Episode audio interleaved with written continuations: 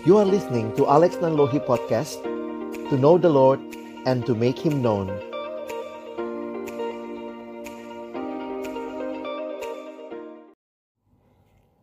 Kami bersyukur ya Tuhan Hari ini kembali Tuhan beri kesempatan bagi kami untuk merenungkan kebenaran firman-Mu. Ketika kami membuka firman-Mu, bukalah juga hati kami. Jadikanlah hati kami seperti tanah yang baik, supaya ketika benih firman-Mu ditaburkan, boleh sungguh-sungguh berakar, bertumbuh, dan berbuah nyata di dalam hidup kami. Berkati setiap kami, hambamu yang menyampaikan dan semua kami yang mendengar, agar kami bukan hanya jadi pendengar firman yang setia, mampukan kami menjadi pelaku-pelaku firman-Mu di dalam kehidupan kami. Di dalam nama Tuhan Yesus Kristus, Sang Firman yang hidup, kami menyerahkan pemberitaan firman-Mu. Amin. Matius pasal 2 ayat 1 sampai ayat yang ketiga. Sesudah Yesus dilahirkan di Bethlehem di tanah Yudea pada zaman Raja Herodes, datanglah orang-orang Majus dari timur ke Yerusalem dan bertanya-tanya, "Di manakah dia, raja orang Yahudi yang baru dilahirkan itu?" Kami telah melihat bintangnya di timur, dan kami datang untuk menyembah Dia.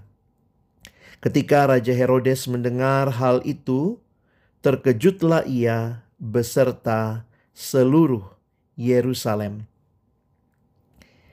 Di dalam bacaan kita, kita melihat sebuah cerita yang mungkin sudah begitu akrab dengan telinga kita, secara khusus ketika kita merayakan Natal.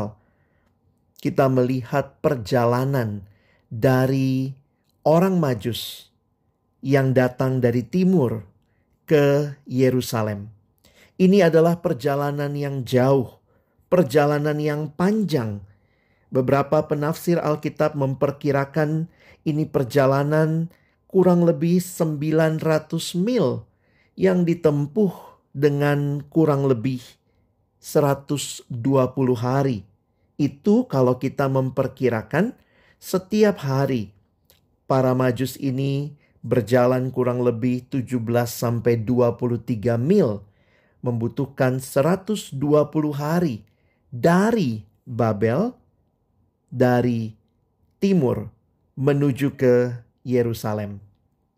Dan menarik sekali memperhatikan apa yang menjadi pencarian mereka yang begitu luar biasa di dalam Matius pasal 2 ayat yang kedua yang tadi sudah kita bacakan, dinyatakan pertanyaan yang menarik yang mereka sampaikan kepada orang-orang di Yerusalem.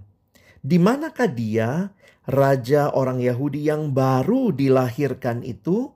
Kami telah melihat bintangnya di timur dan kami datang untuk menyembah dia. Mungkin kita bertanya-tanya, mengapa mereka mengikuti bintang itu dan mengapa kemudian mereka memutuskan bahwa ini adalah bintang yang berkaitan dengan lahirnya seorang raja yang baru. Dan lagi, kesimpulan mereka melihat bintang itu bahwa ini adalah raja orang Yahudi. Jika kita melihat dalam penggalian sejarah maka kita mempelajari tentang para majus yang digambarkan adalah orang-orang yang cerdik cendikia. Mereka nampaknya bukan hanya ahli bintang, tetapi mereka juga adalah orang-orang yang menguasai berbagai macam ilmu dan kemungkinan besar salah satunya adalah juga bidang sastra. Mereka mempelajari tulisan-tulisan yang baik, yang berbobot, yang indah dan kemudian menjadikan itu sebagai pengetahuan yang menolong hidup mereka. Maka kalau kita memperhatikan ada kemungkinan ketika orang Yahudi dibuang ke Babel, maka ada kemungkinan kitab-kitab yang dimiliki orang Yahudi secara khusus Taurat mungkin sekali diterjemahkan atau juga mungkin ditinggalkan ada di Babel salinannya sehingga para majus orang-orang cerdik cendikia ini mungkin membaca kitab Taurat. Sehingga salah satu ayat yang menarik untuk kita perhatikan di dalam nubuat Bileam di dalam bilangan pasal yang ke-24 ayat yang ke-17 dinyatakan demikian. Aku melihat dia tetapi bukan sekarang. Aku memandang dia tetapi bukan dari dekat. Bintang terbit dari Yakub, tongkat kerajaan timbul dari Israel dan meremukkan pelipis-pelipis Moab dan menghancurkan semua anak Set. Para penafsir Alkitab banyak yang merujuk kepada ayat ini sebagai ayat yang membuat orang-orang Majus ini nampaknya datang dan mencari raja orang Yahudi. Karena bintang yang mereka lihat yang bersinar sangat terang itu, mereka simpulkan sebagai bintang yang terbit dari Yakub. Yakub, bapa leluhur orang Israel, dari Yakublah kemudian lahir bangsa Israel. Dan jika demikian, ketika mereka melihat bintang yang tidak lazim ini, yang bersinar sangat terang, maka mereka menyimpulkan ini adalah bintang Yakub, yang berarti kerajaan timbul dari Israel. Dan secara logis, mereka mencari di mana pusat kerajaan Israel? Tentunya mereka datang ke tanah Palestina dan datang ke Yerusalem yang adalah pusat pemerintahan orang Yahudi atau orang Israel, pusat keagamaan mereka karena di situ juga ada bait Allah.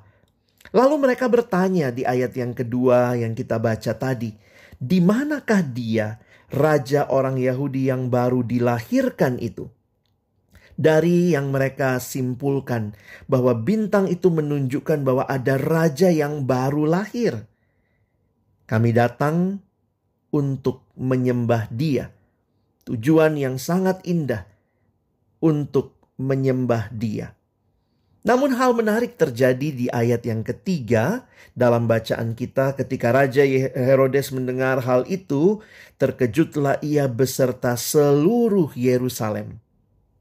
Jika kita membayangkan ini seperti kalau kita nonton film kartun, lalu kemudian dikatakan terkejutlah seluruh Yerusalem seperti seluruh kota itu lompat di tempat saudara. Kata terkejut menjadi kata yang menarik untuk kita perhatikan di dalam bagian ini. Terkejut juga berarti gelisah, khawatir, dan terganggu. Menarik sekali, Raja Herodes ketika mendengar hal itu, dia menjadi gelisah, menjadi khawatir, menjadi terganggu dan nampaknya bukan hanya Herodes tetapi seluruh Yerusalem. Menarik untuk memperhatikan beberapa penggalian latar belakang tentang siapa Raja Herodes. Dan ketika kita memahami tentang Herodes ini, kita pun akhirnya bisa memahami mengapa Herodes begitu terkejut, gelisah, khawatir, dan terganggu. Di dalam catatan sejarah, Raja Herodes masa pemerintahannya yang panjang itu dinodai dengan lumuran darah kerajaan Romawi menjadikan Herodes raja orang Yahudi, walaupun ini hanya sebagai raja boneka. Sesungguhnya, secara darah keturunan, Herodes bukan orang Yahudi. Dia adalah seorang asing, bapaknya seorang Edom, dan ibunya seorang putri raja Arab. Tetapi pemerintah penjajah Romawi mengangkat Herodes menjadi raja orang Yahudi supaya dialah yang mengatur orang-orang Yahudi pada waktu itu. Herodes sama sekali tidak punya hak atas tahta karena dia bukan orang Yahudi, sementara dia bertahta di tengah-tengah tahta orang Yahudi sebagai raja orang Yahudi. Sehingga dalam catatan sejarah, akibatnya tahta Herodes ini sangat goyah. Herodes hidup di dalam ketakutan terhadap pesaing. Dia menderita paranoia berat. Parno kalau kata anak sekarang. Jadi dia sangat parno kalau ada yang mau men menyaingi dirinya sebagai raja. Jika kita melihat apa yang dia lakukan, maka kita pun akhirnya bisa memahami betapa parnonya Herodes. Dia kalau melihat ada orang yang dianggap atau dia curigai sebagai pesaingnya, maka orang itu akan segera dihabisinya. Sejarah mencatat dia membunuh istrinya, Marian, ibunya, Alexandra, dan bahkan dia membunuh tiga putranya Aristobulus, Alexander Antipater, dia membunuh lebih dari setengah anggota Sanhedrin. Catatan sejarah anggota Sanhedrin kurang lebih 70 orang. Dia membunuh lebih dari setengahnya. Dan bahkan dia membunuh banyak pamannya, saudara sepupunya, dan kerabat lainnya. Karena, karena takut tahtanya diambil oleh mereka. Sehingga ini satu realita yang sangat mengerikan jika kita belajar tentang Herodes. Seorang sejarawan Yahudi bernama Yosefus bahkan menyebut Herodes adalah monster yang tidak punya belas kasihan. Kaisar Agustus bahkan mengatakan lebih aman menjadi babi Herodes ketimbang menjadi putranya. Wow, ini satu realita yang begitu mengerikan tentang Herodes yang tidak mau disaingi. Sehingga tidak heran kembali kepada apa yang kita baca ketika Herodes mendengar ada raja orang Yahudi yang baru lahir. Wow, ini tentunya sangat menggelisahkan, sangat mengganggu dia. Sehingga mungkin dia ngecek lagi ya, Adakah istrinya yang baru punya anak, baru melahirkan? Mana mungkin ada raja yang baru lahir? Dan orang Majus datang ke Yerusalem, ke pusat tahtanya Herodes, dan bertanya pada Herodes, "Mana raja yang baru lahir?" Saya membayangkan bagaimana Herodes begitu terganggu. Dan akhirnya kalau Herodes terganggu, bisa kita bayangkan seluruh Yerusalem pun digambarkan terkejut. Mungkin kita berkata mengerikan sekali reaksi Herodes. Tetapi jika kita mau jujur dan merenungkan lebih dalam reaksi Herodes terhadap kehadiran Kristus sesungguhnya adalah cerminan kita semua, manusia yang telah jatuh dalam dosa. Inti dari dosa, manusia merasa dirinya lah segala-galanya. Bukan lagi Allah yang adalah pencipta yang harus disembah dan dipuji selama-lamanya. Manusia mau jadi Allah pusat dari dosa adalah aku. Manusia mau jadi raja atas dunia ini, atas kehidupannya. Dan manusia lupa. Manusia selalu lupa bahwa dirinya bukanlah Allah, dirinya bukanlah raja. Sehingga sekali lagi yang menjadi refleksi kita, reaksi Herodes sebenarnya juga adalah reaksi dari setiap kita yang mau jadi raja atas hidup kita. Kita merasa terganggu ketika ada raja lain, dan kita tidak mau tahta kita diganggu. Karena apa? Hanya satu raja yang boleh duduk di tahta. Tidak mungkin dua raja duduk di tahta yang sama. Hanya satu raja yang bisa duduk di tahta yang utama. Sehingga pertanyaan yang menarik untuk kita renungkan, kalau sungguh-sungguh Yesus adalah Raja dan Dia datang ke dalam dunia, kita menyambut kelahirannya. Kalau sungguh kita menyambut Sang Raja di dalam hati kita, maka kita semua yang menyambut Dia harus turun tahta. Tidak mungkin dua raja duduk di satu tahta yang utama. Kalau Yesus adalah raja, jika dia sungguh raja dalam hidup kita, maka saudara dan saya, kita harus turun tahta. Siapkah kita yang berkata, "Tuhan, jadilah raja dalam hidupku"? Berarti kita berhenti menjadi raja atas hidup kita. Banyak orang hanya ingin Yesus sebagai konsultan, kalau butuh sesuatu, datang minta pendapat sama Yesus. Lagi butuh penghiburan, datang minta kata-kata yang menguatkan. Banyak yang hanya memperlakukan Yesus sebagai konsultan dan bukan sebagai raja. Tetapi bacaan kita hari ini membawa kita merefleksikan bahwa kalau dia sungguh raja, maka harusnya dialah yang memegang kendali utama atas seluruh kehidupan kita kalau kita melihat apa yang terjadi, maka apa yang penting bagi kita sebagai respon kita terhadap hadirnya Sang Raja, biarlah seperti respon para Majus yang ketika mereka tahu di mana raja itu lahir, mereka datang. Matius pasal 2 ayat 11. Maka masuklah mereka ke dalam rumah itu dan melihat anak itu bersama Maria ibunya lalu sujud menyembah dia. Mereka pun membuka tempat harta bendanya dan mempersembahkan persembahan kepadanya, yaitu emas, kemenyan, dan mur.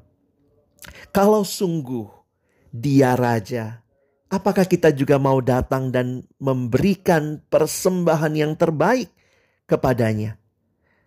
Sang raja kini tidak meminta persembahan emas, kemenyan, atau mur, tetapi dia meminta persembahan seluruh hidup kita.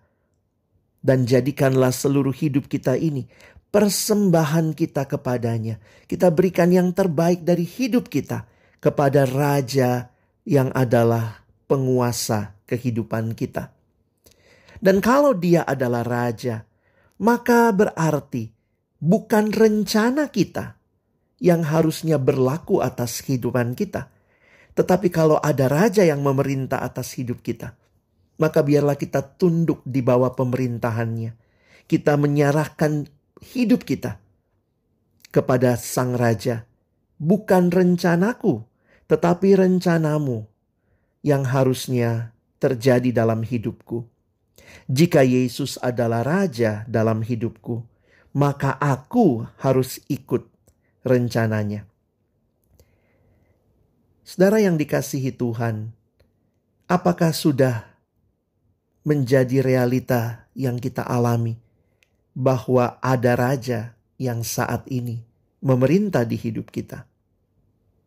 Apakah kita mau mempersembahkan yang terbaik kepadanya? Bagi kita yang sedang studi, persembahkanlah studimu sebagai persembahan yang terutama, terbaik bagi sang raja muliakanlah dia melalui studimu, di dalam pergaulanmu, di dalam relasi-relasimu.